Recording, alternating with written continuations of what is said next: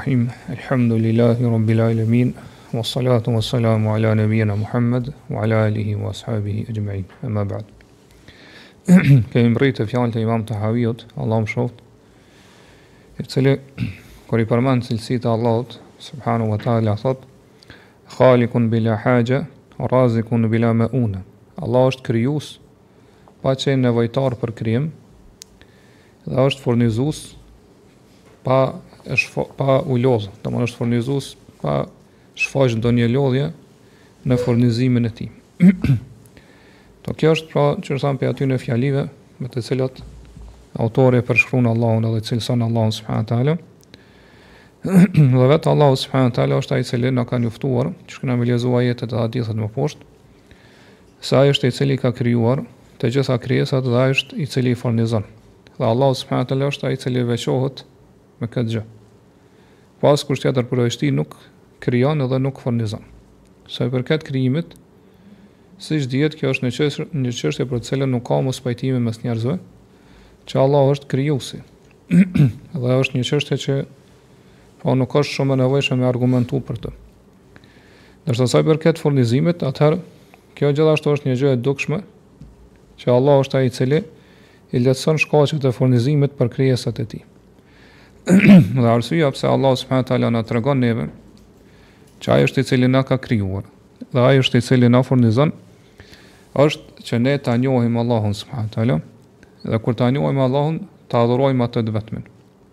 Por nëse njerëzit e dinë se ata janë krijesa të Allahut, pra pranojnë Allahun si krijues, që ai është pra krijuesi i vetëm i tyre, dhe atëherë do ta kuptojnë që Allahu subhanahu wa taala nuk i ka krijuar njerëzit për shkak se ka nevojë për ta. Pra Allahu subhanahu wa taala nuk është ndier i vetmuar, edhe që pastaj me pas nevojë pra mi kriju krijesa që me shtu numrin. Pra me pas shoqëri më shumë apo që Allahu subhanahu wa taala nuk ka dashur përmes krijesave mu ngrit dhe mu lartësu. Po që ka qenë i ulët dhe ka dashur mu ngrit dhe mu lartësu përmes krijesave. As Allahu subhanahu taala nuk ka qenë i varfër dhe që përmes krijesave ka dashur mu pasuru ose domethënë me me qenë pra me mi mjaftu krijesat e tij. Përkundrazi Allahu subhanahu taala është i vetëmjaftueshëm. Dhe nuk ka nevojë për askënd, ndërsa krijesat janë nevojtar për Allahun. Siç siç thotë Allahu subhanahu taala, Wallahu l'ganiyyu wa antum l'fuqara. Allahu është i vetëmjaftueshëm, ndërsa ju jeni të varfër, jeni nevojtar për Allahun. Po ashtu në surën Fatir thotë ja ejjuhan nasu antum l'fuqara ila Allah. O ju njerëz, pra Allahu i drejtohet gjithë njerëzve. Po dijeni se ju jeni nevojtar për Allahun, jeni të varfër, jeni nevojtar për Allahun. Po të varfër në çdo aspekt.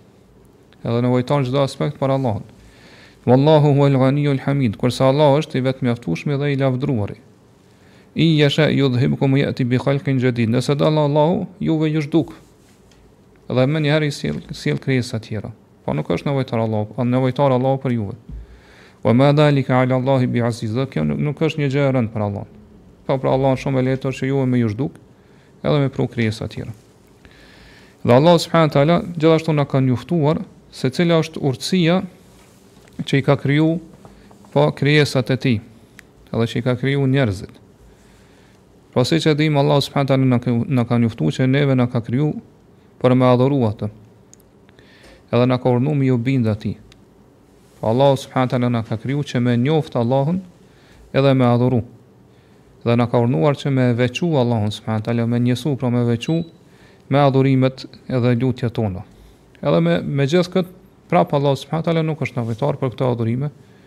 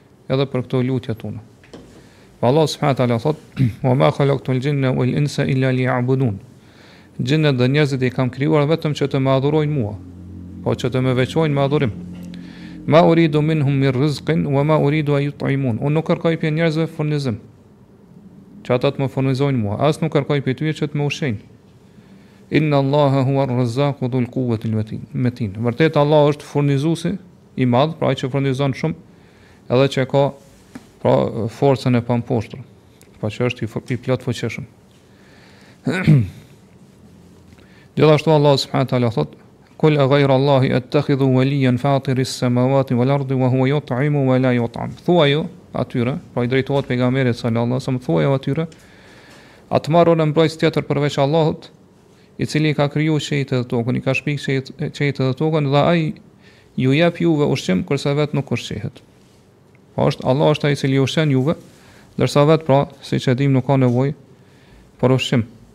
Ngase pra Allah është i vetëmjaftueshëm, dhe nuk ka nevojë për askënd dhe për asgjë.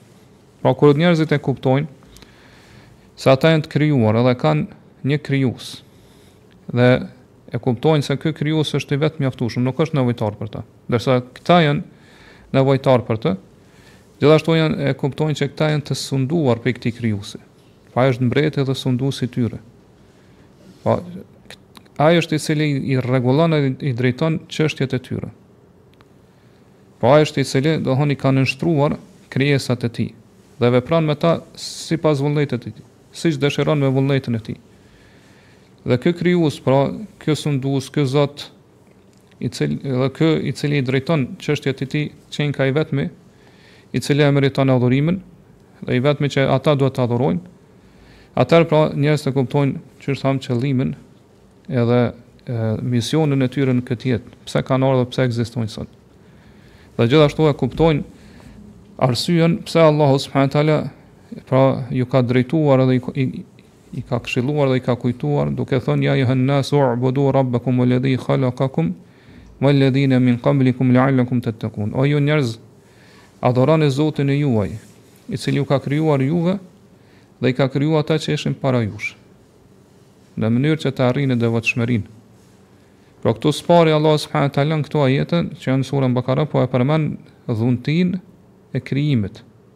Pra që Allahu ju ka dhënë juve një mirësi shumë të madhe, e që është krijimi, pra ju ka sjellë prej inekzistencës në ekzistencë. Allahu është ai i cili pra ju ka krijuar. Pastaj, po para kësaj Allahu po na urdhënon që me kriju me me adhuru atë. Ngase ai është që na ka kriju neve. Dhe po po i përmend shkaqet pse duhet me veçu Allahun me adhurim. Thotë e para është ai që ju ka krijuar juve, e dyta është ai i cili ka krijuar ata që ishin para jush.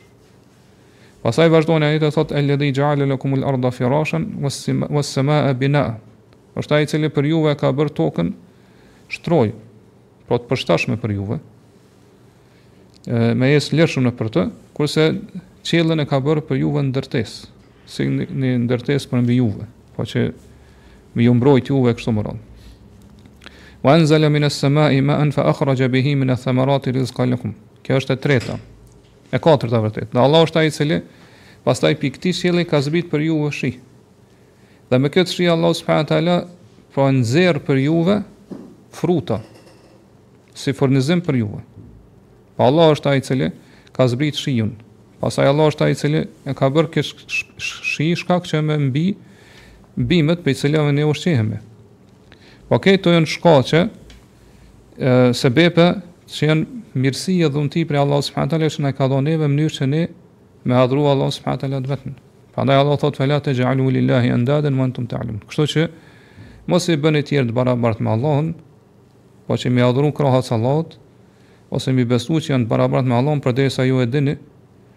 Po me vedi e dini që askush përveç Allahut nuk i ka kriju këto gjëra për ju. Nuk i ka kriju këto të mira, këto dhunti për ju. Dhe kur flasim për krijimin e Allahut subhanahu wa taala, do ta dimë që krijimi i Allahut subhanahu wa taala i përfshin tri gjëra. Pra e para e përfshin paracaktimin. Kjo është faza e parë e krijimit. E që është paracaktimi ose ndryshe quhet et-takdir.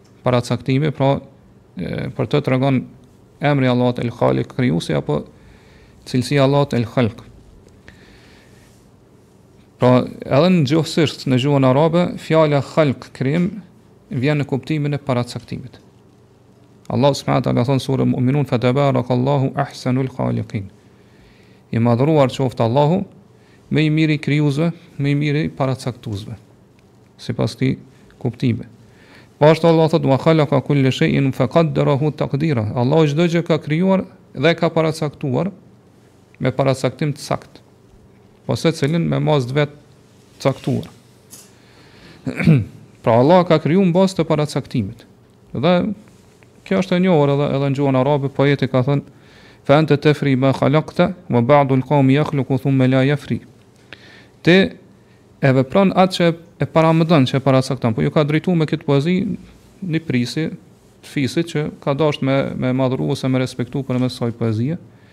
Ka thonë ti çdo gjë që e paramendon, që e paracakton, ato veç e, e ndërmerr dhe vepron. Qoftë ndonjë çështje, apo ndonjë zanat, ndonjë profesion, Për derisa e paracakton për po në vendin tonë, të i po, lavdron personin, të i zoti, Ketë zotësi, domethënë që edhe me vepru ato.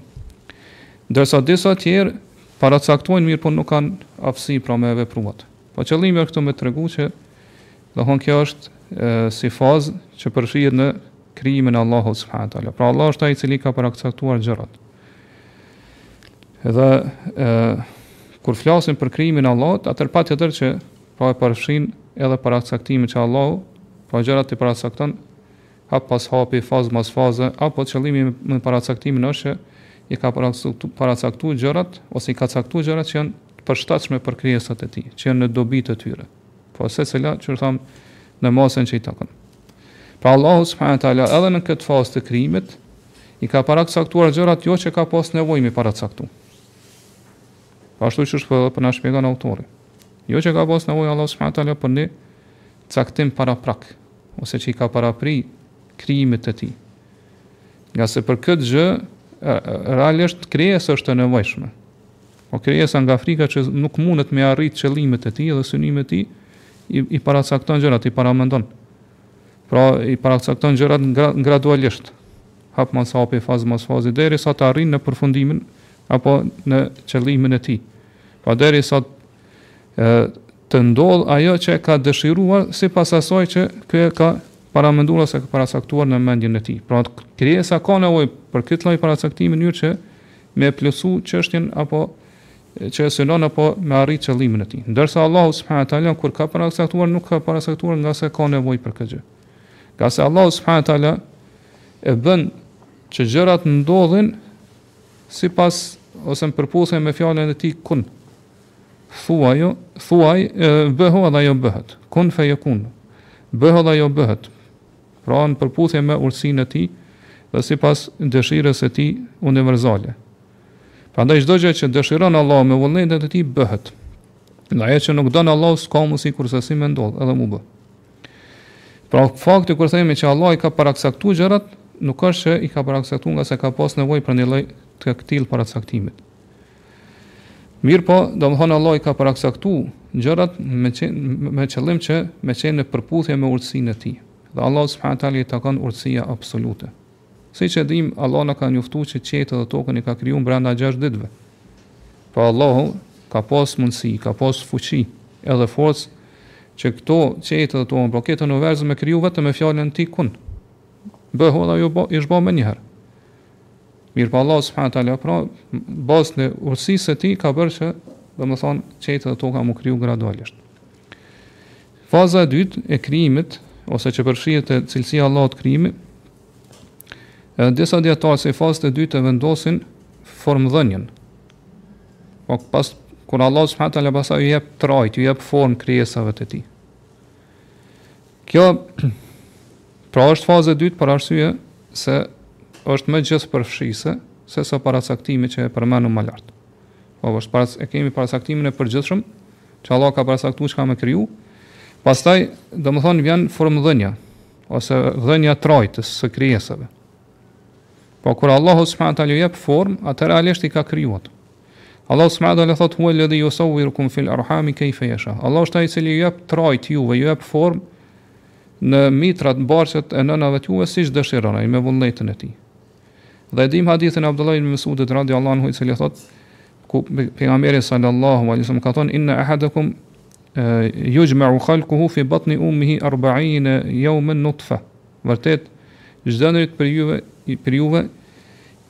i mblidhet krijimi i tij dhe është 40 ditë si pikë e ujit. Po formë, një formë e caktuar. Pastaj thotë thumme, thumme arba'ina yawman mudgha, pastaj 40 ditë, 40 ditë është si copë mishi e përtypur. Thumme arba'ina yawman 'alaqa, pastaj 40 ditë është si gjak i ngjizur. E kështu me radhë hadithin deri në fund. Po këto janë fazat që përfshihen në krijim. Mirpo kemi këtu kemi të bëjmë me formë, pra Allahu këtu po jep trajtë pas trajte, formë pas forme krijimit të fetusit në barkun e nënës. Nënës, pra kjo tregon se et-taswiri, po formëdhënia është krijim. Dhe Allahu subhanahu taala edhe këtu kur i jep formë krijesave të tij nuk jep ngase ka nevojë për një lloj si formëdhënie. Po në kuptimin që Allahu nuk e ekzekuton urdhrin e Tij përveçse përmes formdhënies. Po nuk është kjo që Allahu është i nevojshëm ose nevojtar për me dhon formë krijesave të Tij, ashtu siç është njeriu.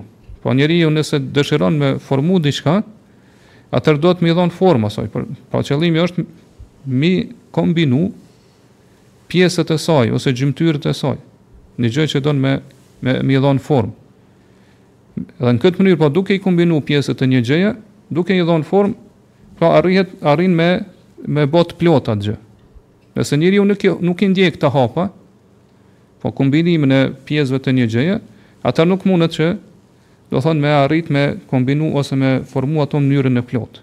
Po kjo tregon që njeriu ka nevojë Pra, si krijesë e dobët që është, është nevojtar i nevojshëm për me bë një lloj si formëdhënie. Mirpo Allahu subhanahu wa taala nuk ka nevojë për me i dhënë formë krijesave. Po Allahu kur i ka dhënë formë nuk është se ka pas nevojë për këtë formëdhënie. Mirpo, siç thamë kjo ndodh për shkak një urtësie të Allahut subhanahu wa taala që e di Ai. Sido që domethonë edhe kjo pra përfshihet në fjalën e autorit kur po thotë se Allahu është krijues dhe është krijues pa qenë nevojtar për krijimin. Dhe faza e tretë e krijimit është ajo që quhet arabisht al-bar'u, e që është për qëllim përfundimi i krijimit, faza e fundit e krijimit. Po pasi që Allah i ka dhënë formë krijesave, pastaj edhe e ka përfundu krijimin e tyre, po i ka bërë krijes të përsosur, krijes të përkryer. Ashtu qysh don Allahu, qysh don krijuesi.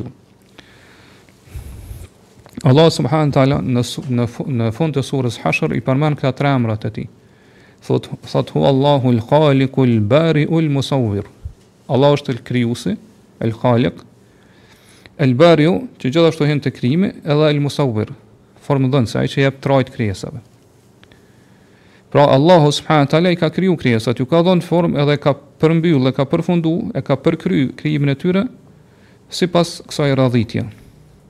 Pra pasaj i ka kriju krijesat në e, domethon në lloje të ndryshme. Ka kriju njeriun, ka kriju melekt, xhinet, kafshët që jetojnë mbi tokë, që jetojnë në tokë, që jetojnë në ujë, e kështu me radhë. Jo pse Allah subhanahu taala ka qenë nevojtar për këtë krijim. Qysh thamë lart, jo që Allahu subhanahu wa taala u ndi i vetmuar dhe ka pas nevojë për krijesat e Tij. Mirëpo Allahu subhanahu wa taala po i ka krijuar krijesat për me i sprovu. Edhe që kët sundim të Allahut, kët mbretëri të Allahut subhanahu wa taala me nënsht, me me nënshtru ndaj vetes. Po që kë kjo mbretëri me qenë rob adhurues dhe të nënshtruar ndaj Allahut.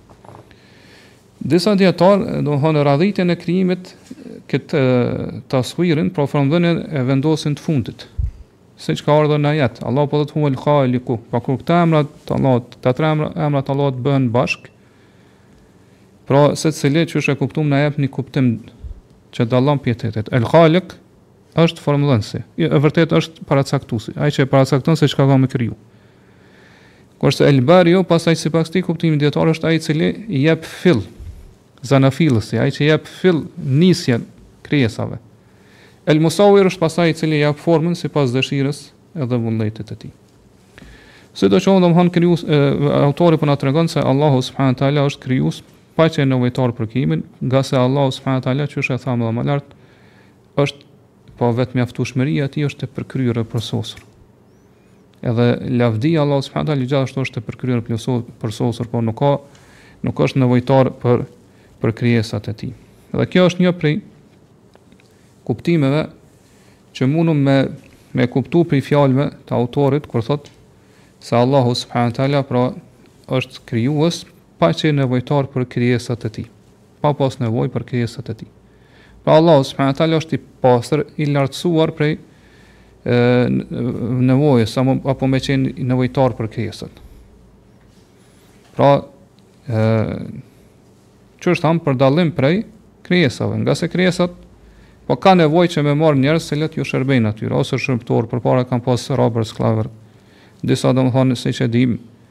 bojnë përpjekje të mëdha për me arrit deri te një fëmijë. Pse? Domthon njerëzit kanë nevojë për këto gjëra. Ndërsa Allahu subhanahu wa taala është el-Gani, pa po është sovran, është i vetëmjaftueshëm, i pavarur. Nuk nuk është nevojtar as me atë gjën më të vogël për krijesat e tij. Madje Allahu subhanahu wa taala qysh e kuptum krijesat i ka kriju që ata me pas dobi. Ata me përfitu prej këtij krijimi, jo, prej këtij krijimi, jo që Allahu me përfitu ose me pas dobi prej krijesave. Prandaj të vërtetën e ka thënë ai i cili thotë Kullun yuriduka lahu illa Allah fa innama yuriduka lak. Çdo kush të dëshiron ty për veten e tij. Po ka një lloj dobi interesi prej teje. Çdo kush të kërkon ty, dëshiron ty për veten e tij, përveç Allahut. Allah të ka dëshiruar ty, po të ka krijuar ty për veten tonde. Pra dobia të kthehet ty. I kthehet njeriut, ndërsa Allahu subhanahu teala pra qysh e pamë, është i pastër ose i lartësuar që me pas ndonjë nevojë për për krijesat e tij. Dhe si ka mundësi pra që Allahu me qenë nevojtar për krijesat e tij, qysh thamë deri tash kur atij i takojnë cilësitë më të larta, cilësitë e përkryera. Cilësitë që pasaj kthehen dhe referohen qenies së tij, jo dikujt tjetër. Dhe domethonë Allahu subhanahu teala në qenien e tij është i përkryer absolut në çdo aspekt. Prandaj është e pamundur që të jetë ndryshe veç se kështu, qysh e thamë deri tash, pra që Allahu nuk është nevojtar për askën prej krijesave të tij. Për këtë arsye pra Allahu as nuk përfiton, nuk ka dobi prej krijesave, as nuk dëmtohet prej tyre. Pra Allah thot in takfuru fa inna Allaha ghaniyun ankum. Nëse ju mohoni, bëheni mohues, jobesimtarë, Allah është i vetmjaftueshëm.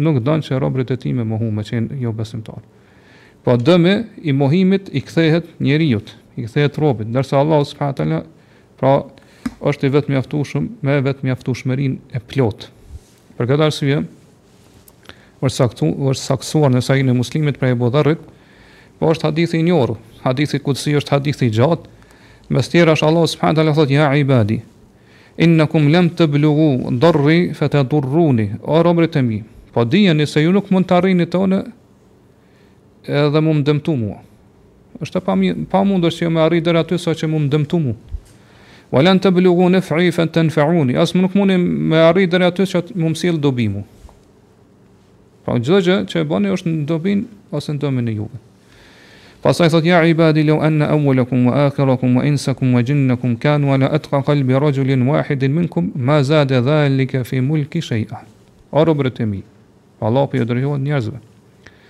Nëse i pari, i fundit prej juve, njerëzit dhe xhinët, po krejt, njerëzit prej të parit deri te i fundit, krejt xhinët prej të parit deri te i fundit, do t'ishin, do ta kishin zemrën e njeriut që ka zemrën më të devotshme, pra do t'ishin njerëzit krijesat më të devotshme, që s'ka ku shkon devotshmëri më të madhe sesa kjo, thot, kjo nuk do ta shtonte sundimin tim aspak.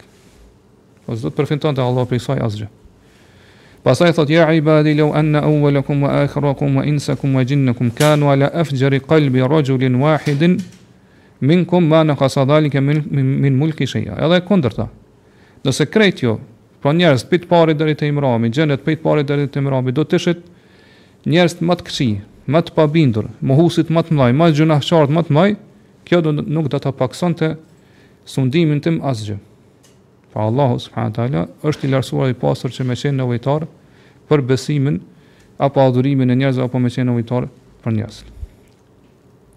Mirë, kjo është një, qysh thamë, prej kuptimeve, që kuptohet ose e, e, shpjegohet me të fjala e autorit, edhe qysh e pamë deri tash, ky kuptim është i saktë.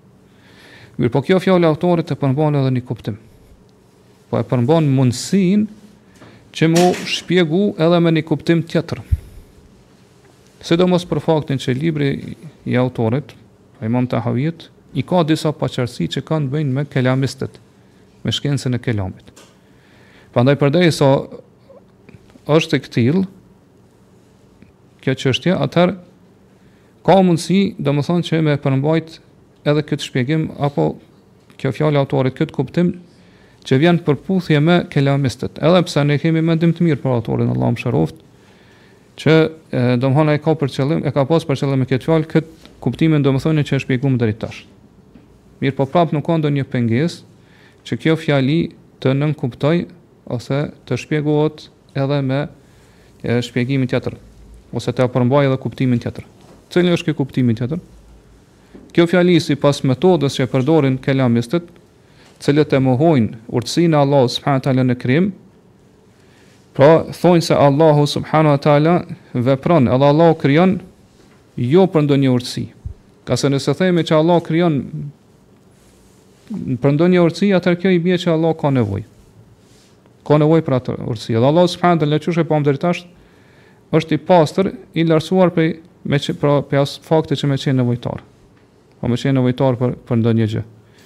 Prandaj këtë gjë, pra që e, Allahu vepron për ndonjë urtësi, nganjëherë ata e quajnë synim apo qëllim. Po që Allahu po po veprojka për ndonjë synim apo po qëllime që është urtësia, dhe thonë Allahu pra është i pa, i lartësuar prej këtyre qëllimeve urtësive, pra është sipas tyre i lartësuar dhe i pastër prej urtësisë.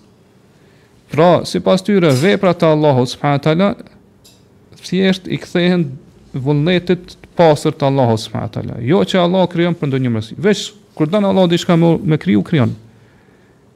Pavarësisht a ka a ka urtësi aty apo jo. Pra Allahu nuk krijon me urtësi hiç, veç sipas vullnetit edhe dëshirës së tij. Pra këta e mohojnë urtësinë e Allahut subhanahu wa taala, edhe pse realisht inshallah në të ardhmen kena me marrë, kena me me ju kundërpërgjigj këtij besimit të kotë që e kanë ata, kemi me pa që ata janë kontradiktorë në këtë çështje.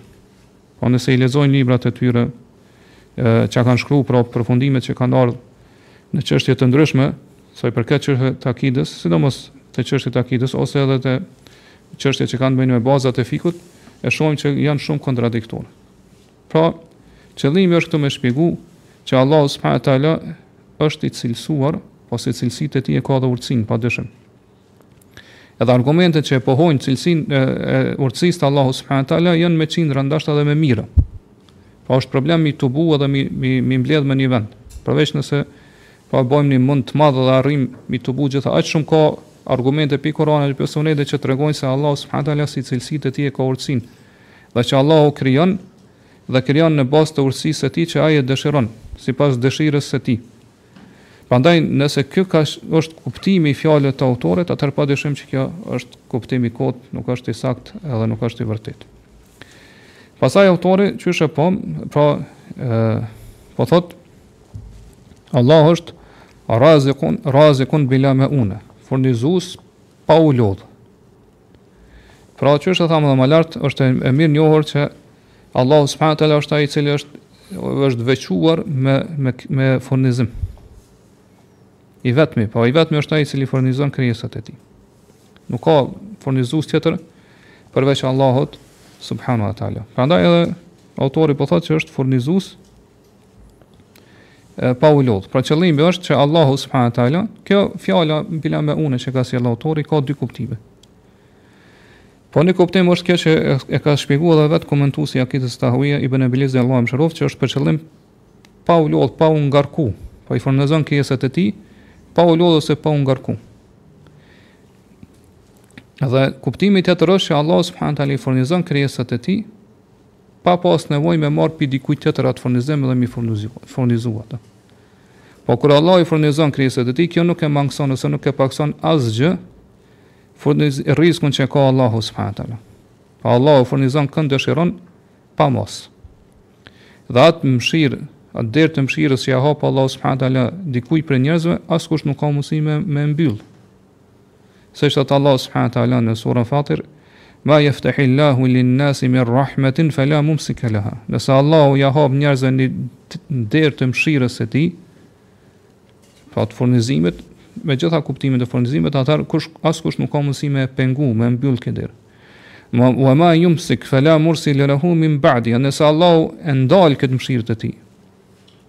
prej dikujt prej njerëzve ose prej një grupit njerëzve ose një populli, atëherë askush nuk ka mundësi me ja dërgu atë mëshirë të Allahut subhanahu teala. Gjithashtu Allah ka thënë bel yadahu mabsutatani yunfiqu kayfa yasha. Dy duart e Allahut janë të shtrira. Edhe Allahu furnizon sipas dëshirës dhe vullnetit të tij. Po ashtu në hadithin e që e Buhariut që e morëm më lart,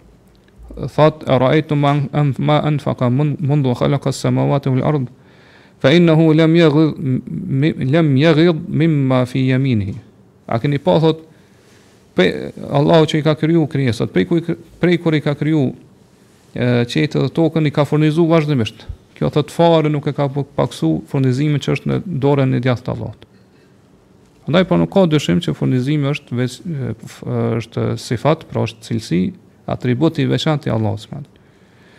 Ndërsa krijesa, po nëse e furnizon dikon, e dim që do thotë e furnizon me vështirësi dhe ngarkesë lodhje shumë të madhe. Dhe ashtu e furnizon dikon tjetër, po i jep pi furnizimit që i ka dhënë Allahu, ngase ka nevojë me furnizu. Ka nevojë me furnizu tjetrin ose ka nevojë me me i dhon tjetrit. Edhe kur të furnizon tjetrin, i paksohet, do thotë, nuk i shtohet, mirëpo i paksohet rrizku i tij, furnizimi që ia ka dhonë Allah. Ndërsa Allah, subhanu tala, pra, i takon sundimi, e, do thotë, madhështor, edhe në të cilin domethënë nuk pakësohet sado që furnizon Allahu subhanahu wa taala. Prandaj pra, kjo që ka thënë autori Razikun bila me une, Allah është furnizues pa u lodh, pra që siç thamë është për qëllim, pa pas vështërsi, pa lodhje, edhe do thot pa pas nevojë që me marrë, pa qenë nevojtar që me marr pi dikujt tjetër për mi furnizu krijesat.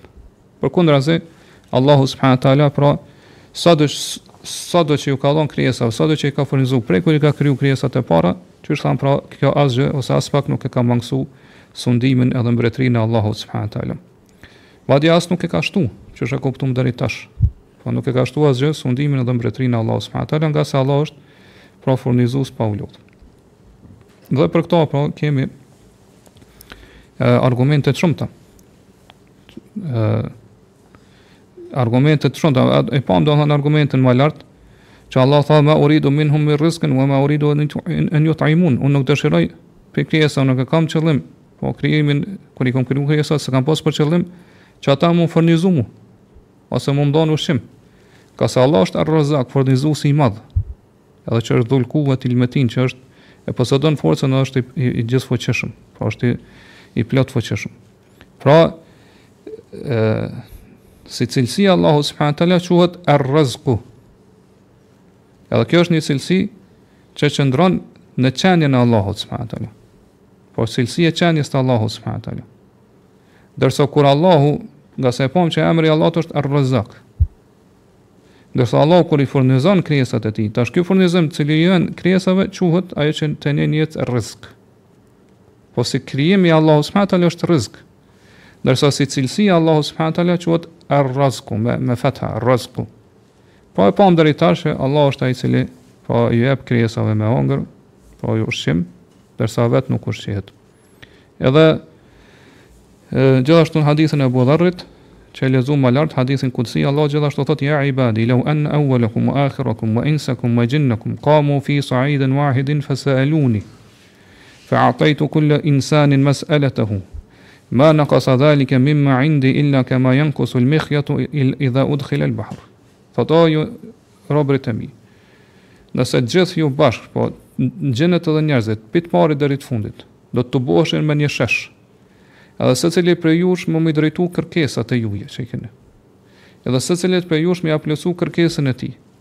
Kjo thotë fare nuk do ta mangësonte furnizimin qysh thonë ose sundimin mbretrinë time. Pas nuk do ta mangësonte aq veç aq sa hin gjilpëra në oqean edhe sa nxjerr gjilpëra prej ujit, po nuk merr asgjë prej ujit të oqeanit. Aq sa të edhe do ta mangësonte sundimin apo mbretrinë time furnizimi që jau dha juve. Nëse secilit prej jush pra ja plotësoj kërkesën ose lutjen që ma drejton mua. Pra, ë kjo është vetëm shembull sa për me na përafru neve, që domethënë fare nuk mangësohet furnizimi apo mbretëria dhe sundimi i Allahut nëse Allahu po jep krijesave të tij çdo gjë që kërkojnë prej tij. Prandaj pra, çështja e Allahut subhanahu taala sa i përket rrizkut, furnizimit sa i përket depove të furnizimit që i ka Allahu subhanahu taala është një çështje shumë madhështore. Po sikur Allahu t'i furnizonte të gjitha krijesat, atëherë kjo qysh e pamë pra fare nuk do të kishte vështirësi, fare nuk do të ndjente lodhje, edhe fare nuk ta, do ta mangësonte furnizimin apo mbretërinë edhe sundimin e Allahut subhanahu wa taala. Mirë, këto është një, gjithashtu kemi një ë ose para kësaj do ta dimë që furnizimi është dy lloje. Furnizimi i Allahut subhanahu wa taala është dy lloje. Një lloj është ky që e përmendëm deri tash. Po në cilin marrin pjesë të gjitha krijesat. Madje edhe jobesimtarët. Po Allahu i furnizon edhe jobesimtarët siç e dimë, ashtu qysh i furnizon besimtarët. I furnizon mëkatarët ashtu siç i furnizon të devotshmit, besimtarët e mirë. Edhe këto krijesa të tjera, kafshët e qysh e përmendëm deri tash, qofshin mbi sipërfaqe, nën sipërfaqe të tokës në ujë apo në ajër e kështu me radhë. Këto janë furnizuar prej Allahut.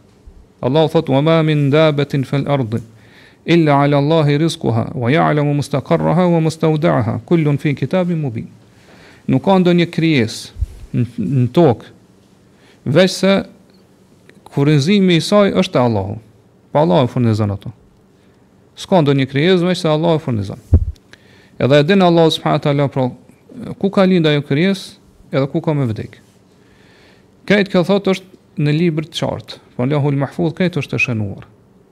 Kjo është lloji i parë i furnizimit, për të cilin folëm deri tash. Mirë, po është një furnizim, po kjo është furnizim i përgjithshëm.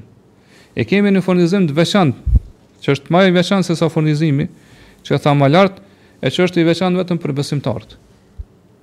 E që pa dyshim është, domethënë pi këtyre dy llojeve të furnizimit është furnizim ma i rëndësishëm, Edhe më i lartë, më madhështor sesa i pari.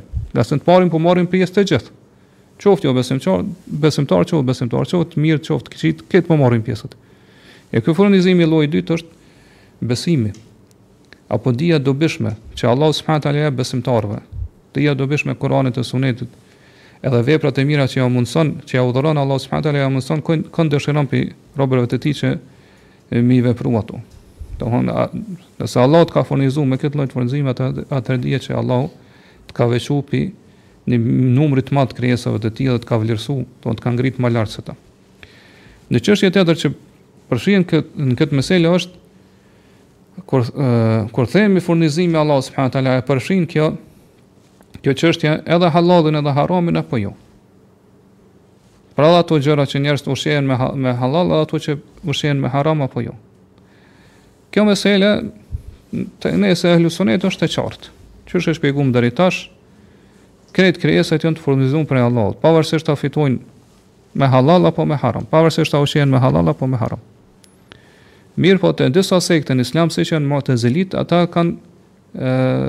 kontestu ose domethënë e kanë kundërshtu dhe s'e kanë pranu që harami me qenë furnizim i Allahut. E thonë që, e, domethënë, veç halali është furnizim i Allahut, kur njeriu fiton me halal, harami nuk është furnizim i Allahut. Ngase sipas tyre, pra furnizimi është posedim, zotrim. Domethënë një diçka që zotëron njeriu dhe njeriu nuk ka mundësi kurrë me zotëru një gjë që është haram, që është e ndaluar, ngase s'është pronë e tij. Nëse ke marrë diçka, ke fitu me haram nuk është e jotja, kështu që nuk është furnizim, risk. Po kështu kanë shku ata me anë të logjikës së tyre mirëpo kanë argumentu me këtë me në këtë çështje kuptohet duke rënë ndesh direkt me argumente që i përmendëm deri tash. E kam sqaruar këtë çështje edhe në një pyetje më herët që më kanë drejtuar, mirëpo po e përmend në mënyrë të përmbledhur.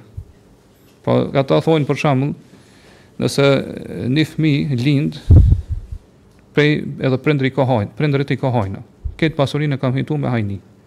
Edhe e ushqejnë me këtë pasuri derisa fëmija të rritet të hyjë n'moshën madhore. Pastaj kur hyn n'moshën madhore bëhet edhe vetë hajn. Edhe ushqehet gjithmonë me gjëra të vjedhura derisa të vdes. Këta thonë, ky njeri kurrë nuk u ushqy me risk të Allahut. S'është kjo risk i Allahut, sipas tyre. Mirëpo dietarët kanë kundërpërgjigjur, sikurse Kurtubiu, gjithashtu Shejhul Islam Ibn Tejmije se qëllimi me risk është diçka që njeriu ushqehet me të, që përfiton prej tij, jo çka posedon. Po nëse ti ushqehesh me atë risk edhe domethënë përfiton prej saj, kjo kjo është risk, kjo është e njohur që është risk në në Kur'an dhe Sunet të Pejgamberit sallallahu alajhi wasallam.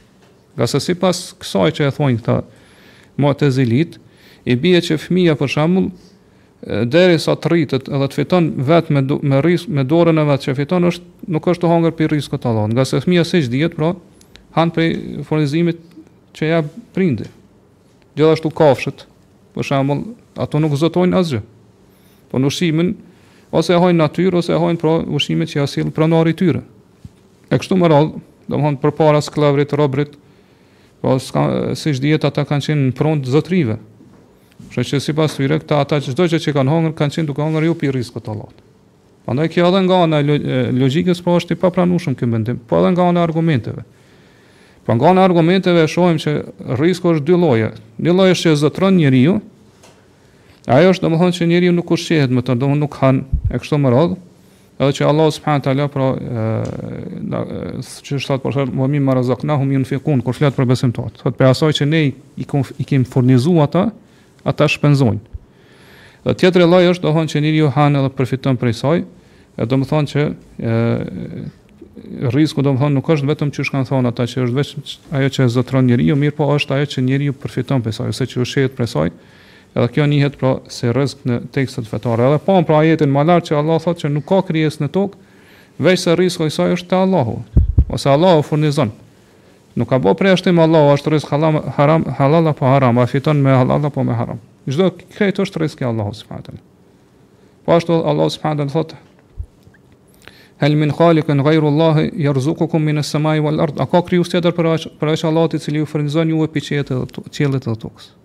Nuk ka, domthon krejt është rrizk i Allahut. Pavarësisht domthon njeriu e han atë domthon e han vetë atë rrizk apo e posedon apo i jep tjerëve, apo fiton me halal apo me haram, krejt pra është rrizk prej Allahut subhanahu. Pra çdo gjë halal dhe haram është rrizk prej Allahut, mirëpo në sheriat një, një gjë që Allah i ka dhënë leje me me konsumu, me me me marr, me përfitu prej saj, kjo llogaritet nga aspekti fetar, nëse dispozita fetare është halal. Ndërsa asaj që, atë gjë që Allahu subhanahu wa taala nuk ka dhënë leje që me marr ti me përfitu dhe me konsumu atë ose me hëngër, ajo është haram vetëm nga nga ana dispozitës. Jo që nuk është rrizk ose që thonë që nuk është prej furnizimit të Allahut. Pra krejt është rrizk i Allahut. Gjithashtu shpesh parashtrohet një pyetje, ë a ka mundësi që rrizku i njeriut m'u shtu dhe m'u paksu? Rrizku që ja ka caktuar Allahu, a ka mundësi m'u shtu dhe m'u paksu? Sa i përket rrizkut që është në diturinë e Allahut subhanahu wa taala, atëherë ai nuk ndryshon. Pra atë që ka caktuar Allahu njeriut, ai ka me marr komplet atë rrizk. As ka mundësi m'u shtu, as m'u paksu. Mirëpo sa i përket rrizkut që është në fletët, në librat, regjistrat e melekëve. Në që Allahu ja ka mundësu melekëve me dit, pra një pjesë të këtij rrizkut për krijesën, atëherë ka mundësi që ky varësisht të shkaqeve m'u shtu edhe m'u paksu.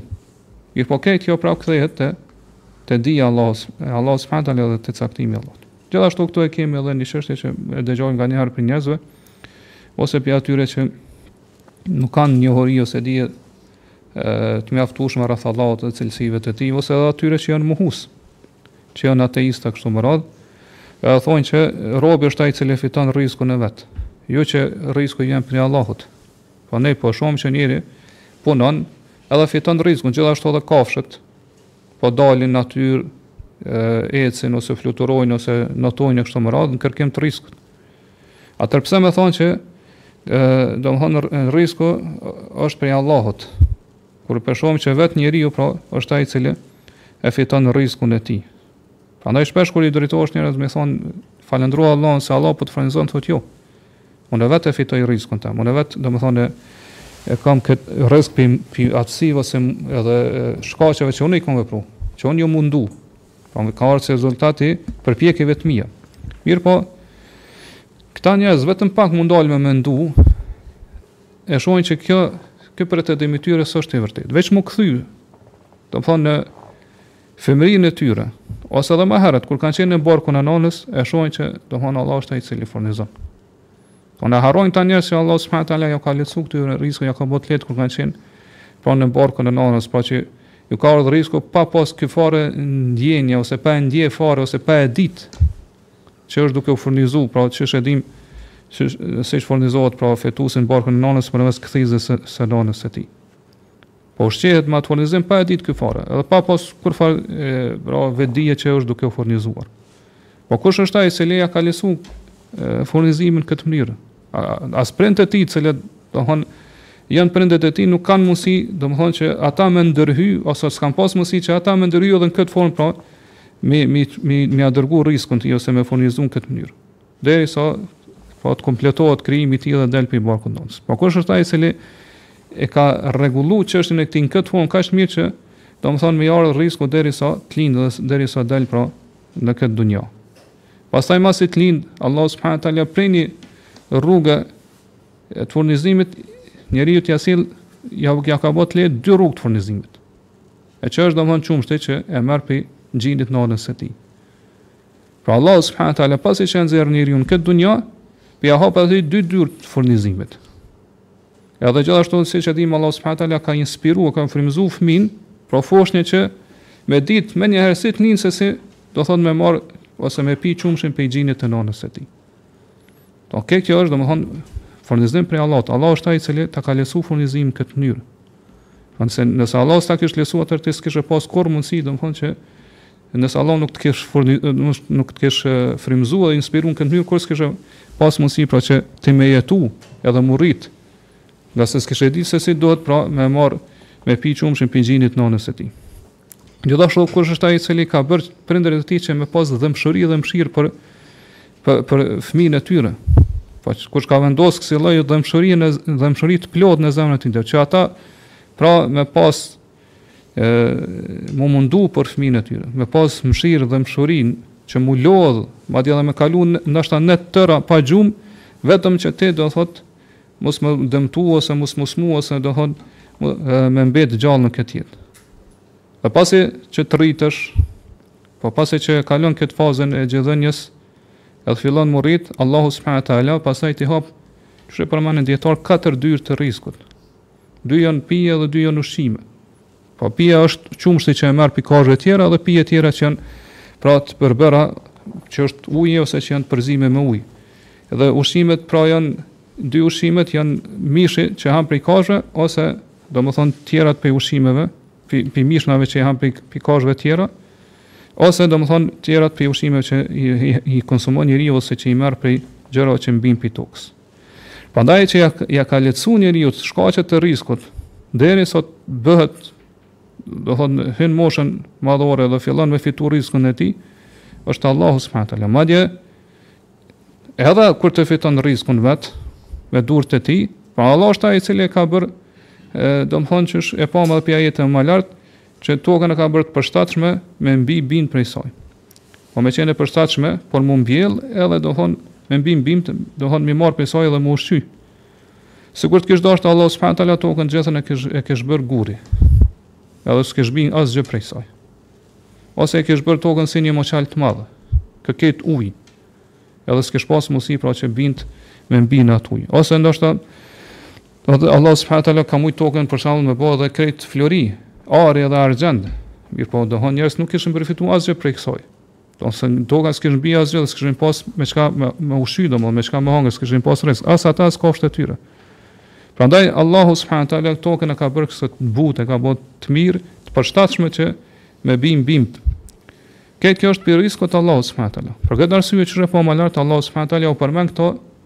rizkun si begati, si mirësi që ia ka dhënë robërve të tij.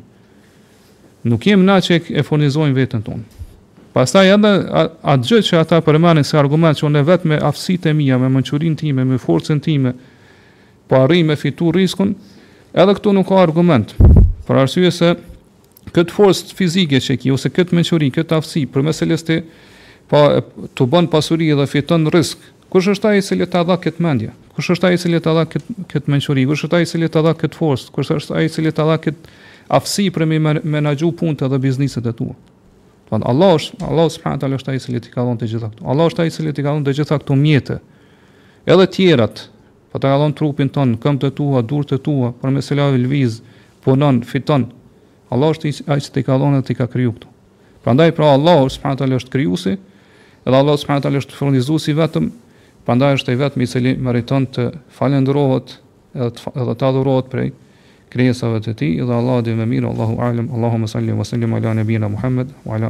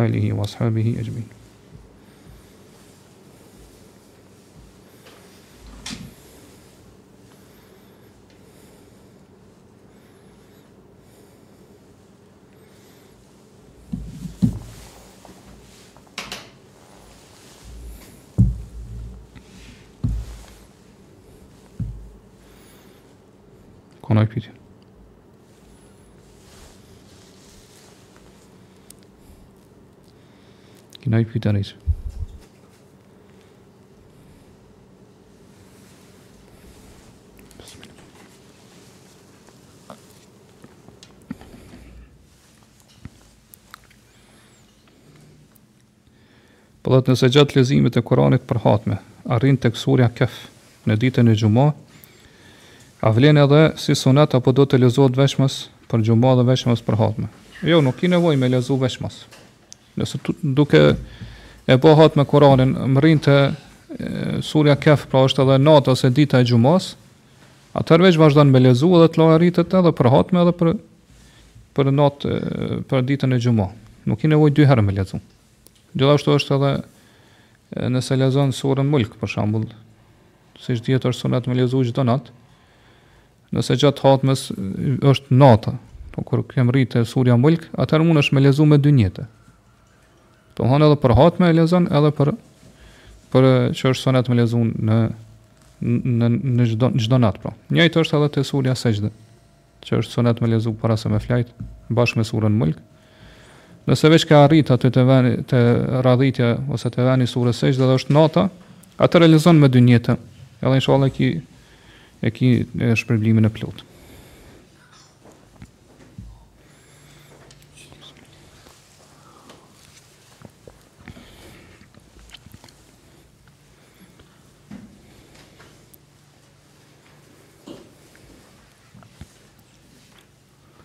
Mësimet që marrim në shkollë përmbajnë kufër dhe mësuesit na detyrojnë t'i mësojmë si të veprojmë n'këtë rast.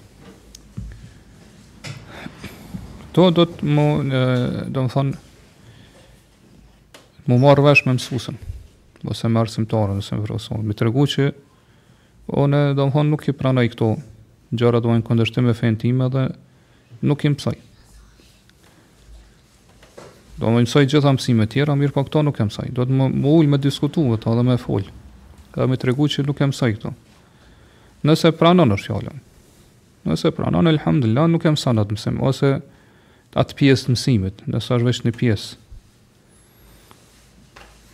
Edhe nëse nuk mundet, po me arrit kjo marrëveshje me të, atëherë Nëse detyrohesh me e thënë gjatë mësimit, nëse detyrohesh me thënë, po kur të pyetesh, atëherë kur e thu këtë pjesë, në vete e thu domethënë që kjo është kufër. E, e thu që nuk e besoj ose kjo është kufër dhe kjo është kundërshtim me Allahun. Domethënë veten Në heshtje e thu, kuptohet që mos me dëgju ajo, nëse vesh është rrezik me dëmtu, notë ose diçka me t'u hakmarrë, e thu në vete, domethënë që kjo, unë nuk e besoj këtë, kjo është kufër, është kundërshtim me Allah, edhe inshallah, nëse e bën kështu nuk ki, nuk ki gjynah. Që shë jabën e jo në rejshmë, për të mësime.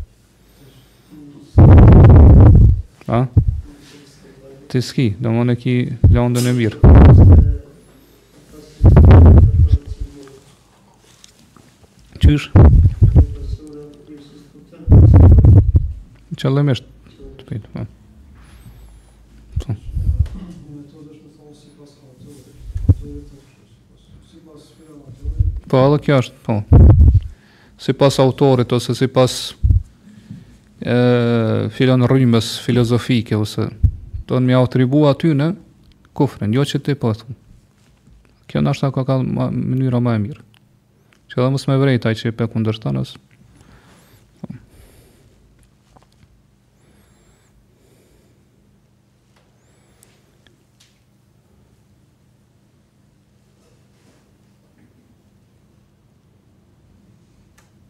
A është i saktë ky hadith?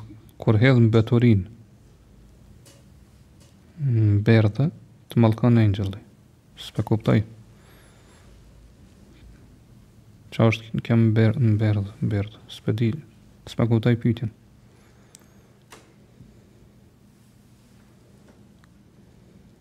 Allahu alem, s'pe di. S'po muj me, me e gjetë një fjallë që është e, e, e ngjajshme me këto.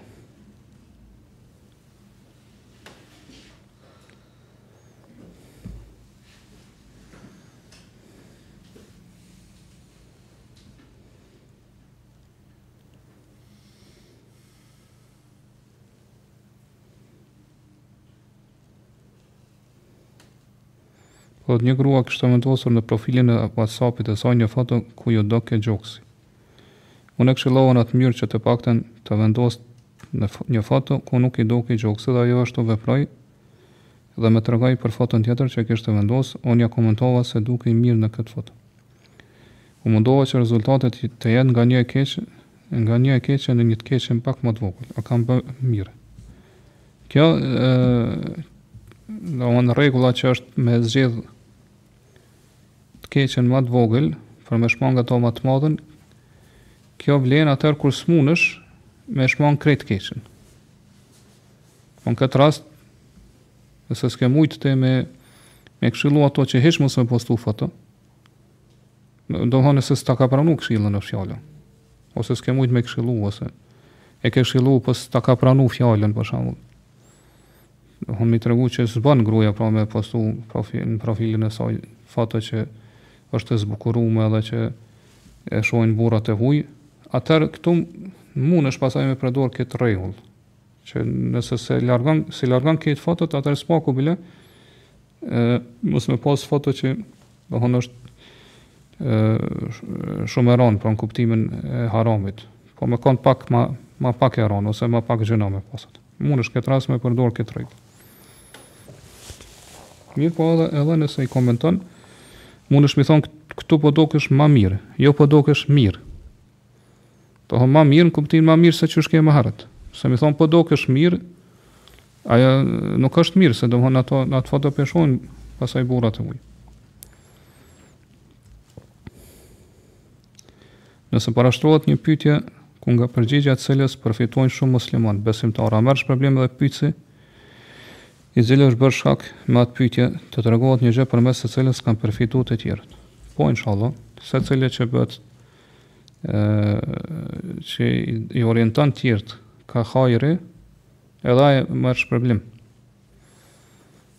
secili që i tregon tjert ose i drejton tjert ka hajri edhe ai ka shpërblim sikur ata që e veprojnë atë hajr madje nganjëherë njeriu edhe pse e din pytjen ose përgjigjen nuk ka të keqe me parashtru pytjen që me përfitu tjert kur e din se tjert nuk e din këtë qështja Kjo nuk llogaritet pi teprimit në parashtrimin e pyetjeve ose që ka në hadith që mos me bo pyetje të shumta. Nuk nuk inshallah nuk përfshihet këtu, për arsye se ë do të pyetjet e shumta janë pyetje që bon prej arrogancës ose që bën prej do me qëllim që me provoku këtë rast dijetarin ose hoxhën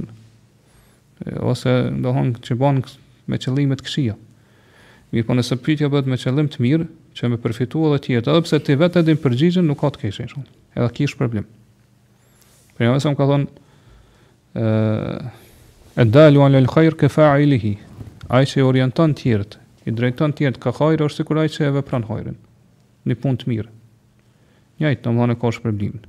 Edhe kur e ka thonë këtë hadith pejgamberi alejhi selam ka thonë në rastin kur ka ardhur një person edhe ka pas ka ardhur te pejgamberi ka thonë po du me marr pjesë filan betejën, me luftu krahas pejgamberit sallallahu alajhi wasallam. Mirëpo ka thonë nuk po kam deve ose kali që me shku deri te vendi i betejës. Atëherë një pi sahabëve që ka qenë prezent ka thonë unë e di kush mundet me ia dhon këtë kali ose këtë deve. Edhe ia ka tregu emrin. Pra sa ngon ai që i orienton i drejton të tjerët ka hajër është sikurse ai vep, sikur ai që vepron. Po ky as nuk ia ka dhon kalin, as nuk ia ka dhon devën. Po veç i ka tregu që filani mund të ta dhon e ka marrë shpërblimin e këtij. Sikur me vepru ky.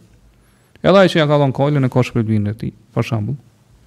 Prandaj do të është mirë që njeriu kurrë mos mu lodh ë pra ose mos mu Me msy, mos me msy që po e tepron. Kur t'ju fol njerëzve, domethonë për fenë e Allahut subhanehu teala ose e tregon një këshilë, ose i, i udhzon për diçka, ku se ku e din, ndoshta personit që i drejtohesh, nuk, ta, nuk punon me atë këshilë tane, mirëpo po ia tregon dikujt tjetër. Edhe ai tjetri përfiton prej saj, fillon me punu ti e ki shpërblimin. Kështu që kurrë mos mos mos u ndal prej këshillimit apo prej udhëzimit të tjerëve, prej prej thirrjes së tjerëve në në punë të mira, në punë të hajrit.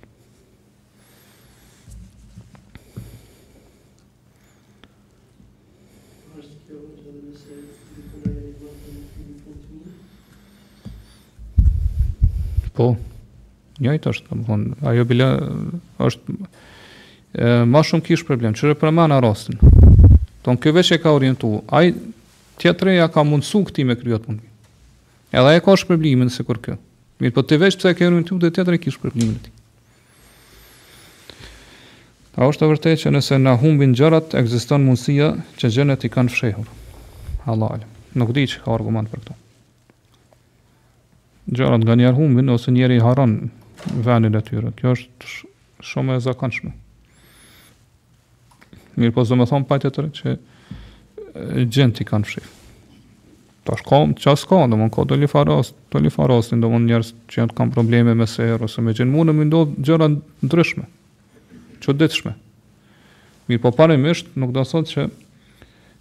Pse t'kan, kan fillu me të humb gjërat, domethanë, ki problem me xhinë, ose janë prej xhinëve. Është mirë që besimtari mos me lidhë jetën e tij me xhinë.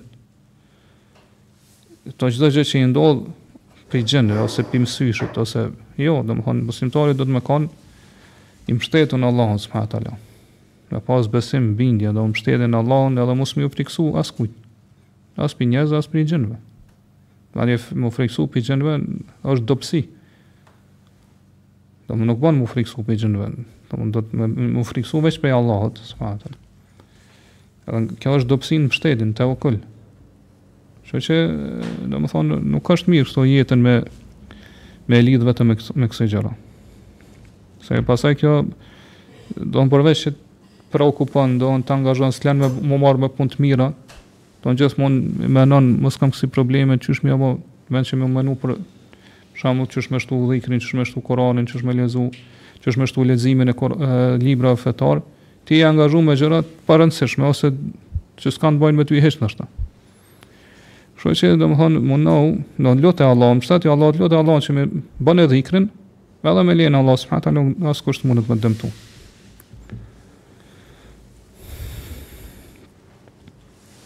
A lejohet bërja e duave me mendje? Kam dëgjuar se shqiptimi i duas ose dhikrit nuk është obligative. Përveç leximit të Kuranit që duhet të nxjerrësh zë patjetër teksa e lexon. Jo, nëse don me bë dua, patjetër duhet me me shqiptu. Me mendje nuk llogaritet dua. Dhikër po, dhikër mundesh me, me përmend Allahun me zemër. Me kujtu madhështinë e Allahut, madhërinë e Allahut, fuqinë e tij, krijimin e tij të përsosur, furnizimin që thamë gjatë dersit, të mirat që t'i ka dhonë, e tjera tjera. Kjo është dhikër me zemër. Mirëpo kur vjen te duaja, duaja është adhurim. Dhe domethon duaja është patjetër me shqiptu.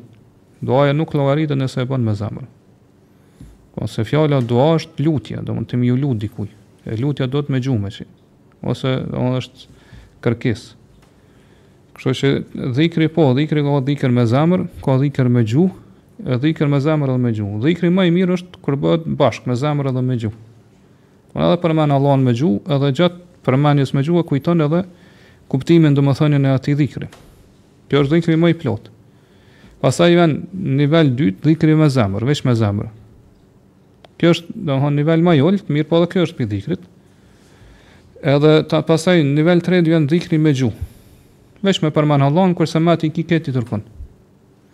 Edhe për këto shpërblehesh, inshallah, mirëpo nuk është ai dhikri më i mirë ose më i plotë. Kjo që e bën vetëm me gjuhë. Kurse te duaja, pra patjetër dohet me lutë Allah subhanahu wa taala. Patjetër dohet me shqiptu duan,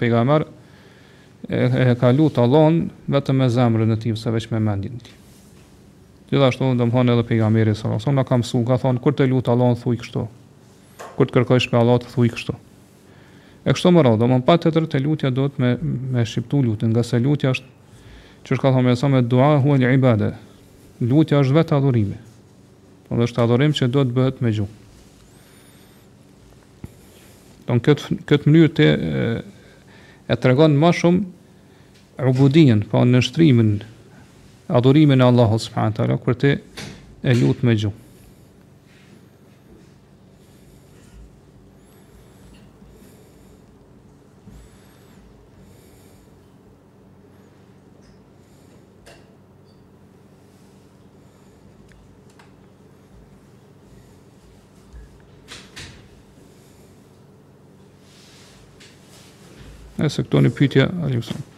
Po nëse ditëlindja është e ndalume, e ndalume dhe festat vjetore që bëhen me karaktere të ndryshme, në islam këto e kanë të njëjtën dispozitë. Po përderisa një festë festohet në datë të caktume, edhe përsëritet çdo vit, atëherë në islam nuk janë të lejume këto festa. Por në islam janë vetëm dy, dy festa që dohet me i festu. Tjerat këto janë festa që janë të ndalume, ose janë bidate, ose janë domethënë festa të kufrit, Allahu na rujtë. Kështu që dohet vetëm vetëm dy bajramat me festu. A lejohet vendosja e unazës ose ndonjë byzylyk për meshkujt. Sa i përket byzylykut nuk lejohet, ngase kjo është traditë e femrës. Ose gjithmonë ka qenë e këtillë. Dhe meshkujt pra nuk bën me me vnu byzylyk ose qafore ose zinxhir në fyt ose domethënë këta pejt lkurat që p'i ngjesin këta të rijt. Këto dijetarët e kanë ndalu ngase është traditë e femrës. Tash domethënë që meshkujt kanë fillu me i marrë disa zakone të femrave kanë fillu me i vepru këto gjëra, mirëpo gjithmonë deri tash ka qenë e ditur që kjo është Zbukurim te femrat, jo te meshkujt.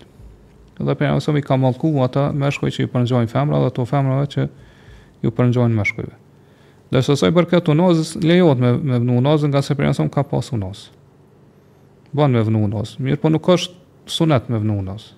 Do nuk është një gjë që me të cilën ti ki shpërblim dhe adhuron Allahun, ngase pejgamberi unazën e ka vendosur për shkak se ka pas nevojë për unazë, ngase unazën e ka përdor si vulë.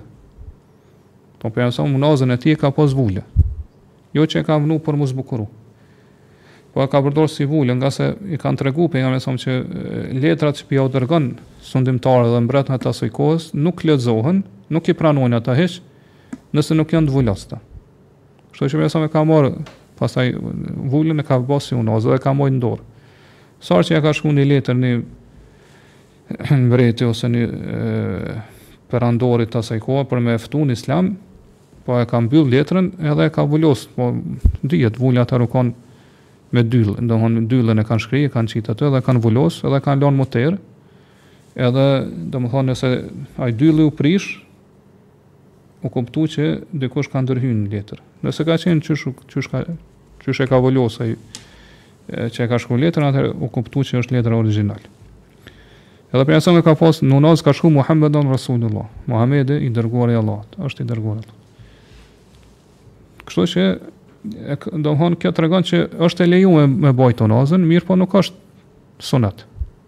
Nuk është prej sunetit. Përveç nëse dikush e përdor për të njëjtin qëllim që ka përdor pejgamberi sallallahu alajhi wasallam. Atëherë ky ka si sunet, po e merr shpërblimin që po praktikon ni sunet. Mirëpo tash dihet që vulat nuk janë të këtilla. Ndoshta deri para do viteve, para do, në shekullin e kalum, ndoshta kanë qenë kështu, tash jo. Sidoqoftë, domethënë me bajtë unazën, është e lejume, veç mubah, domethënë e lejume, as ki gjynah, as ki sevap. Nëse ban unazë. Mirëpo megjithatë, pra, nuk, meshkujt nuk duhet me bajt unazë të arit. Po është e ndalume, për meshkujt me bart ari. Por duhet, i lejohet me bart unazë të argjendit, për shembull.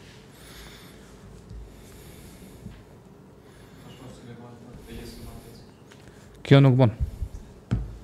Për fejesë, martesë nuk bon. Jo, tash nuk nuk mbetet mubah. Kur të nëse e vendos për fejesë ose për martesë, më nuk është në dispozitën e mubahit, domethënë që s'ki as sevap as gjynah, mirëpo ki gjynah. Pse? Se kjo është traditë e krishterëve. Edhe domethënë krishterët e ndërlidhin akiden e tyre, besimet e tyre, një lloj besimit me unazën. Se ata thonë, e, nashta që s'kena pa përpara, na s'kena pas kontakt me ta, po i kena pa në televizor, kur t'i ndërrojnë unazat, thot, e, thonë që E kanë një farë shprehje që e përdorin ata që askush nuk mundet me e prish këtë martesë, tash që u bo, domethënë, n'prezencën e priftit, edhe kur ndërrohen unazat. Domethënë, sipas tyre, derisa e mban unazën, martesa është e pathyshme, nuk prishet kurrë, domethënë, kanë një lloj besimi për atë unazë, kështu që ti nuk, nuk lejohet me i pasu ata në këtë traditë, edhe nëse nuk e ki këtë besim, që kuptohet, muslimani nuk lejohet me pas këtë besim. Nëse ki këtë besim është rrezik me dal krejt prej feje. Mirëpo, e, kur vjen çështja e imitimit të tjerëve, nuk shikohet këtu çka ki ti nijet, ose a po e beson ato apo jo. Veç imitimi i jashtëm është i ndalum.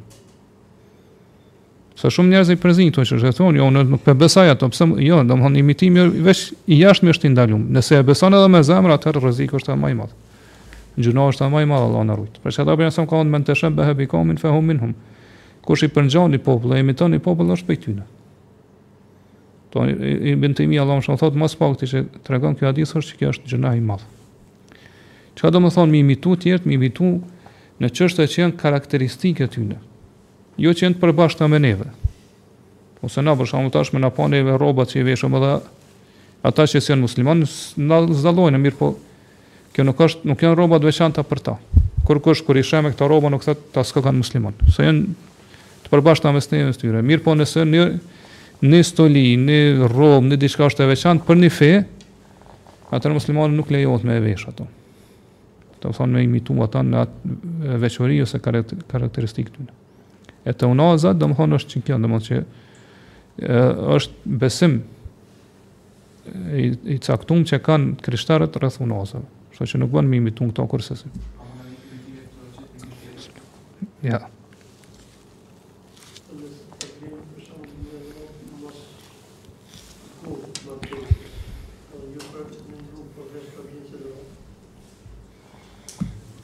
Ty jo?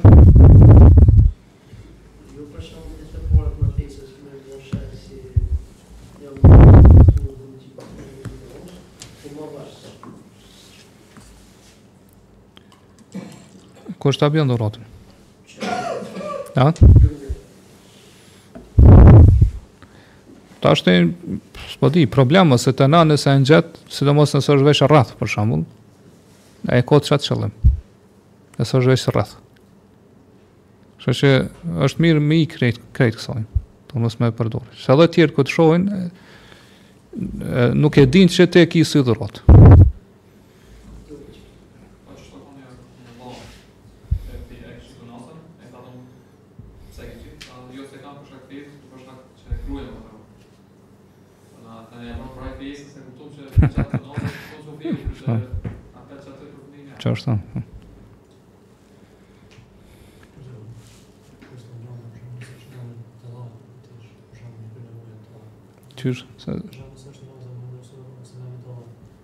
Zë nuk shkrim një mëtë të është, nëse e më shumë bërë një bërë. Po më shumë që ishtë një zërë, në të të se... Në po, bërë në shumë. Nëse, nëse tutesh me lanë jashtë të hup, ose ta merr dikush, mundesh me, me hi me të mrenë, ose së paku ma mirë është me hekë, me shti në xhep krejt, me mshef. A është haram me bë follow meshkuj në TikTok që janë të famshëm? Dhe a bën me ju ba like postimet që nuk janë fetare po kështu për këtë botë. Jo, domethënë femra, tash, po ma merr menja që pyetësi është prej gjinisë femrore, se, po edhe, nejse, nuk po paragjykojmë. Kuptohet, nëse është pytja prej gjinisë femrore, kurrsesi nuk bënë, Për arsye se, domethënë, ashtu si mashkulli që nuk bën mi, mi, mi shiku femrat e huja, po ashtu edhe femra nuk bën mi shiku burrat e huaj. Duhet me ul shikimin, sidomos nëse fitnoset prej tyne, kur të janë famë shumë, domethënë, fitneja është ma që mundet me ndodh, ma shumë, kështu që nuk bën mi shiku ata, as nuk bën kuptohet as mi bë follow, as mi përcjell ata, as kur... Kjo është si meselë, që nuk bën. Çështja tjetër është që përveç që nuk bën, domthonë është humbje kohës kot. Muslimani nuk duhet me me çu kohën kësi gjëra të kota. Nuk me kshyr ça po bëjnë të famshmit se, se kjo nuk sjell kurfar dobi as këtë botë as botën tjetër. Përkundrazi që e thash mundesh mu dëmtu.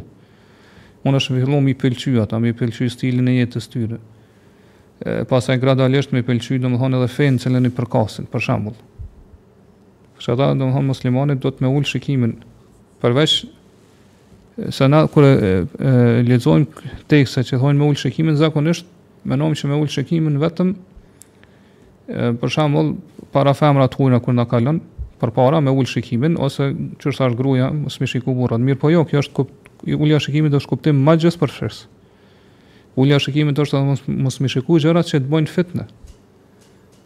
që të bëjnë fitnë në fe ose në dunja, për shembull. Qashtu ka dijetarë që, domethënë, as te ndërtesat, pallatet, që janë të bukra, kështu me radhë, nuk i kanë shiku. I kanë ul shikimin, ose kerret e mira, për shembull. Se njeri fitnoset prej tyre, edhe i lidhet zemra me, me to. Dhe sa më shumë që lidhet zemra me këtë dunja, aq më shumë të largohet prej, prej botës tjetër. Prandaj kjo përveç që nuk bën, po është edhe e rrezikshme që domethënë tuj përcjell këto gjëra. Domethënë përveç që janë gjëra të kota, gradualisht me përfunduar në gjyna. Për arsye se një prej metodave që i përdor shejtani për me çu njërin ka gjynat është që fillimisht e angazhon me gjëra të kota. Po shikon gjëra që s'ka gjyna në to, mirëpo i hup koha ashtu.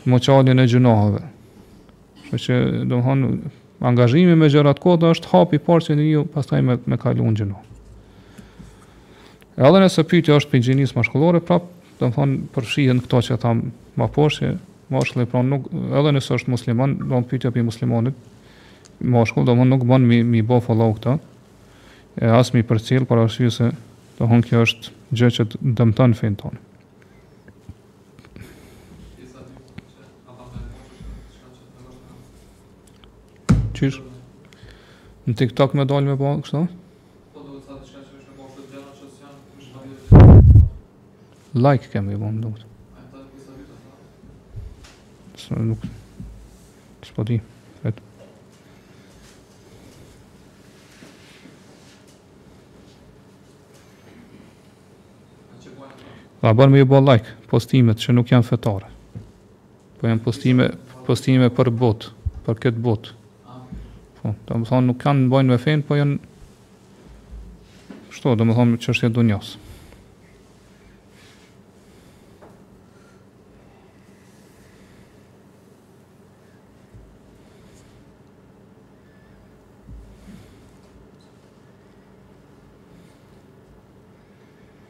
A lejohet leximi i librave të dijetarëve të cilët kanë gabime në menhexh, kurse në akide janë të saktë.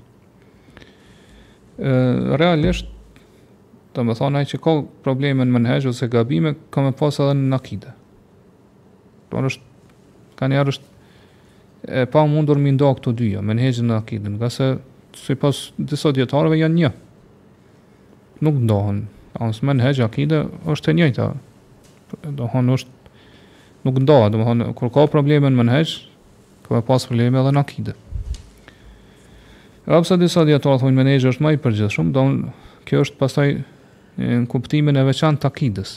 Kur themi akide, që përfshin çështjet e besimit, jo çështjet praktike, Atëherë po, mundet me u pranu kjo, kjo ndarje, domethënë që akidja merret vetëm me çështjet e besimit, kurse menhexhi përfshin pastaj sjelljen, përfshin moralin, për shembull, tregtinë, e qysh me bë pra biznes, e tjera, domethënë raportet mes njerëzve. Por e dijetarët e përmendin që menhexhi është si muri mbrojtës për akiden. Domthonë nëse në menhexh ka gabime, defekte, atëherë njeriu shumë lehtë pastaj mundet gradualisht me ra edhe në akide, në probleme dhe në akide. Do me pas devijime dhe në akide.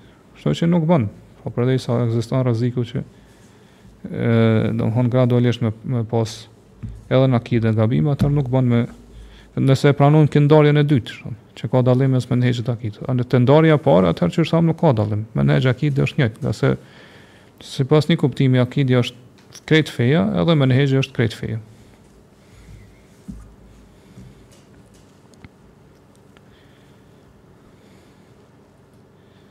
Për shkak të gjendjes së vështirë në punë, për punë, a lejohet të hyjë si praktikant në një zyre ku ka përzierje, mirëpo vetëm për disa muaj, pastaj të punësohem diku prej shtëpisë. Sepse pa përvojë në zyre nuk po mundesh me u pranu dikun prej shtëpisë. Siç e dimë, pra në parim nuk lejohet me punu dikun ku ka përzierje mes dy gjinive. Ngase, domethënë, rreziku me ra në gjynah, është shumë i madhë, ku, ku ekziston përzierja. Mirëpo po nganjëherë disa përzierje janë ma të lehta sesa disa tjera. Po ka raste, domethënë që përzierja nuk është në zyre, po është vetëm për shembull në ndërtesë, në hyrje të ndërtesës, në të objektit. Duke hyjë duke dalë ka përzierje, mirëpo pastaj secili shkon në zyre të vet. Kjo është shumë më e lehtë sesa me pas përzierje në zyrë. Pastaj nganjëherë domethënë zyrët janë të ndame. Domethënë secili ka zyrën e vet për shembull. Edhe përzierja nuk ndodh aty mrena në asaj dhomës, zyrës, mirëpo mundet me ndodh në korridor, për shembull kur dal me për shembull për nevoja ose me pi ujë ose diçka për shembull. Edhe kjo është shumë ma e lehtë, mirëpo me kon, domthon me qenë vetë ti me një femër aty në zyrë edhe veç me ta me punu, Kjo s't'kisha thonë, domethënë me me rreziku në këtë mënyrë. Për arsye se kjo përveç që është haram, edhe domethënë çon patjetër kah shumë domethënë gjëra t'ndalume. ë domethënë edhe ë domethënë është vështirë me me iu rujt këtyne gjynahave. Po sa do që njeri është i devotshëm, kur vetmohet me një femër gradualisht, domethënë ka me shku edhe është rrezik pra me shku deri deri te zinaja. Se që edhe ka ndodhë, domethënë, në shumë raste.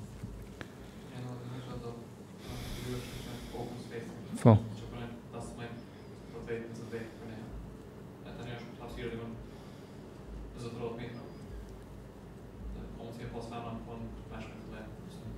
Kjo është ma lehtë se sa me konë mrena veç dy në zyre. Për këta dhe në secili, secili rast mundet me pas një përgjigje të veçantë, a bon a s'bon. Sa mundesh ti për shembull me me evitu kontaktin me to, sepse do ashtu si si përgjigje të përgjithshme është problem me dhon. Domethënë me një përgjigje dhe me me vlejt për të gjitha rastet. Për shembull kjo që e përmende ti, do të thotë që është thash ata janë larg njëri-tjetrit dhe s'i bjen ashtu kurrë kontakt me pas. Kjo është shumë ma lehtë se sa domethënë në rastet kur ti duhet me kontaktu, me u ulë në tavolinë ose me diskutu mes veti. Kjo është pasaj është ma rënë, domethënë rreziku ma i madh është. Ha?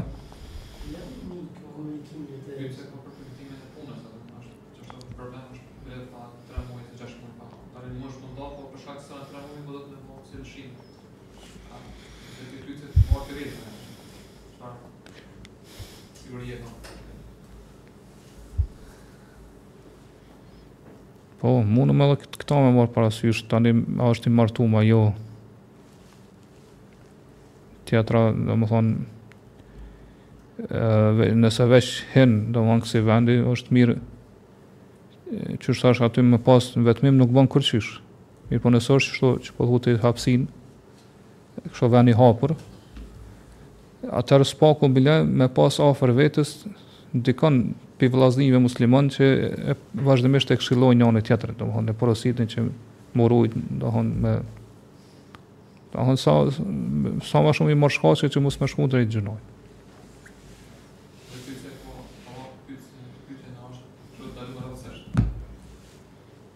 Problem, thash me, me thonë qe është, ose kur është veç, veç vetë, po, aty nuk kisha thonë me, me rreziku kështu. Do të më jetë në mënyrë tjetër. A kur është që është në ven i hapun ose që është kontakti është shumë i paktë ose veç te hymja, veç atëherë është mirë mu bo dy 2-3 vet, pe muslimanëve që me rujt njëri tjetrin. Nëse njëri gabon tjetër tjetër mi fol për shembull. Tjetri gabon tjetri fol edhe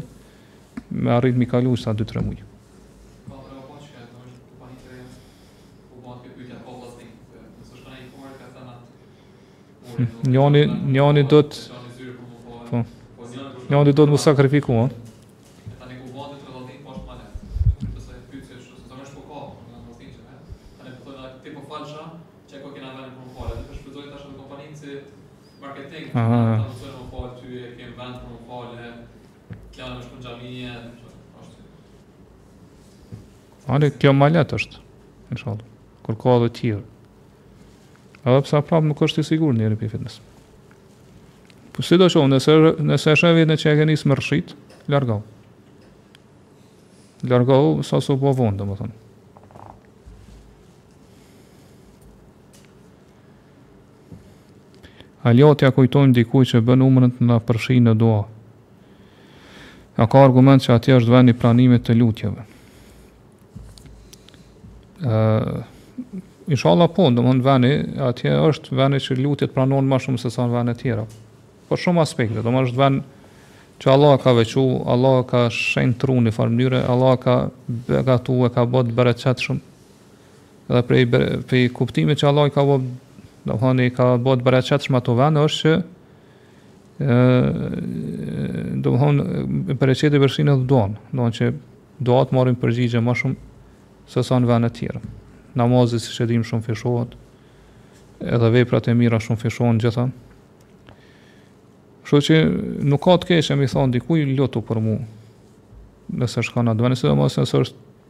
person që e njeh si që është i devotshëm.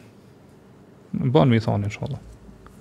Kjo do të thonë që dijetarët nuk e kanë pëlqyer mi thonë tjetrit lutu për mua është mi thonë çdokujt ose me bë këto si zakon, sa herë që ndahen muslimanët mes veti thotë lutu për mua, lutu për mua, lutu. Kjo nuk bën, për arsye se kjo çon që zemra m'u lidh për krijesën.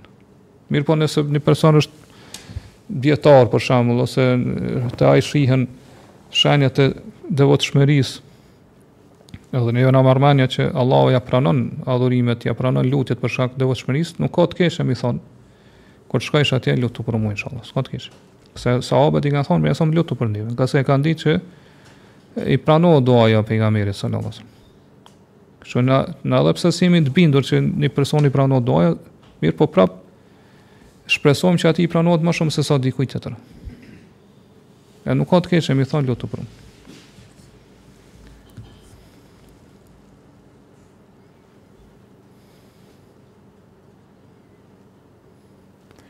Nëse mashkulli shikon video me femra me veshje normale dhe pa epsh, a bën gjynah?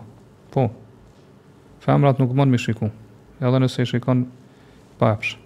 Domethën për mashkull është e ndaluar mi shiku femrat, edhe nëse i shikon pa epsh. Përveç nëse është e domosdoshme mi shiku, atëherë i shikon pa epsh. Mirëpo nëse nuk është e domosdoshme ose nevojshme, s'bon mi shiku. E kjo pa epsh, kjo mundet ndoshta në fillim me kon pa epsh, po është Na e dina, domethënë, që e ka kriju Allahu natyrën e mashkullit. Domethënë, çdo gjë te, te femra i bën fitne mashkullit, çdo pjesë e trupit femrës. Do, Allah ka bo sprovë për mashkullin. Qysh ka thonë pejgamberi, nuk kam lanë sprovë më të madhe për burrat se sa gratë. Kështu që nashta nashta ndonjë situatë të caktume e shikon pa epsh, mirëpo nuk është është nuk është e mundur që çdo herë sa të sa të shikosh një gru ose femra të ndryshme me kon pa epsh. Kuptohet veç nëse mashkulli nuk ka hiç epsh domethënë. Disa meshkuj Allahu i ka sprovu, s'kan kurrfarë epshi në raport me gratë. Kjo është smundje. Mirëpo mashkulli normal është e pamundur që domethonë m'i shiku femrat pa epsh. Për këtë arsye jemi obligu jemi urdhnu, me jemi obligu m'i ul shikimet, kurse femrat janë urdhnu m'u mbulu. Për këtë arsye. Ngase, domethonë, Allahu natyrën e mashkullit e ka bo që m'u fitnos prej femrës. Ja, nashta njëherë që është nashta ndodh ose dy, ose në situata të caktume, mirëpo, çdo herë është e pamundur, që me shiku pa epsh. Kështu që domethon duhet gjithmonë me ul shikimin. Edhe nëse ta merr mendja ty që është pa epsh duhet me ul shikimin, ngase ka mundësi. Pra po thon, po supozojmë që e shikon pa epsh, mirëpo, menjëherë pas saj lind aty dëshira ose lind epshi e kështu me radhë. Dhe Allahu nuk e ka bërë këtë dallim. Në ka në kul lil mu'minine jeguddu min ebsarihim, thuaju besimtarëve le të ulin shikimet e tyre. Dhe na duhet me Duhet me me me paramendu ose me parafytyru këtë ajet ku kur ka zbrit te kush ka zbrit. Ka zbrit te gjeneratat më të mira. Te gjenerata më e mirë, te brezi më i mirë, më i devotshëm, shokët e pejgamberit sallallahu alajhi wasallam. Që nuk ka me pas besimtar më të mirë, as ka pas përveç pejgamberëve. S'ka pas besimtar më të mirë se sa shokët e pejgamberit. Mas pejgamberëve domethon çdo umet e ka i ka pas njerëzit më të mirë. Edhe ummeti jonë njerëzit më të mirë janë sahabët. E prej krejt ummeteve njerëzit më të mirë janë shokët e pejgamberit sallallahu alajhi wasallam. Janë më të mirë se sa shokët e Isait, se sa shokët e Musait alajhi salam, edhe pejgamberëve të tjerë. Megjithatë Allahu i ka urdhnu me ul shikimet, edhe i ka urdhnu me ul shikimet, domethonë kur ndaj grave që kanë qenë të mbuluara. Po që kanë qenë të mbulume, edhe që kanë qenë me nikab, edhe ato mos m'i shiku. Domethonë, edhe, edhe, edhe nëse është një gru me shami me, me, me nikab, ti duhet me ul shikimin. Edhe mos me shiku, me thonë, valla, tash po e shikoj, se ajo ka ka krejt të mbulume, së shakur, jo, ti duhet me ul shikimin, edhe në këtë rast. Domethon përderisa ka ardhë urdhni për ato me, me ul shikimin, domethon që kanë qenë krejt trupin e mbulume, atëherë si është çështja domethonë për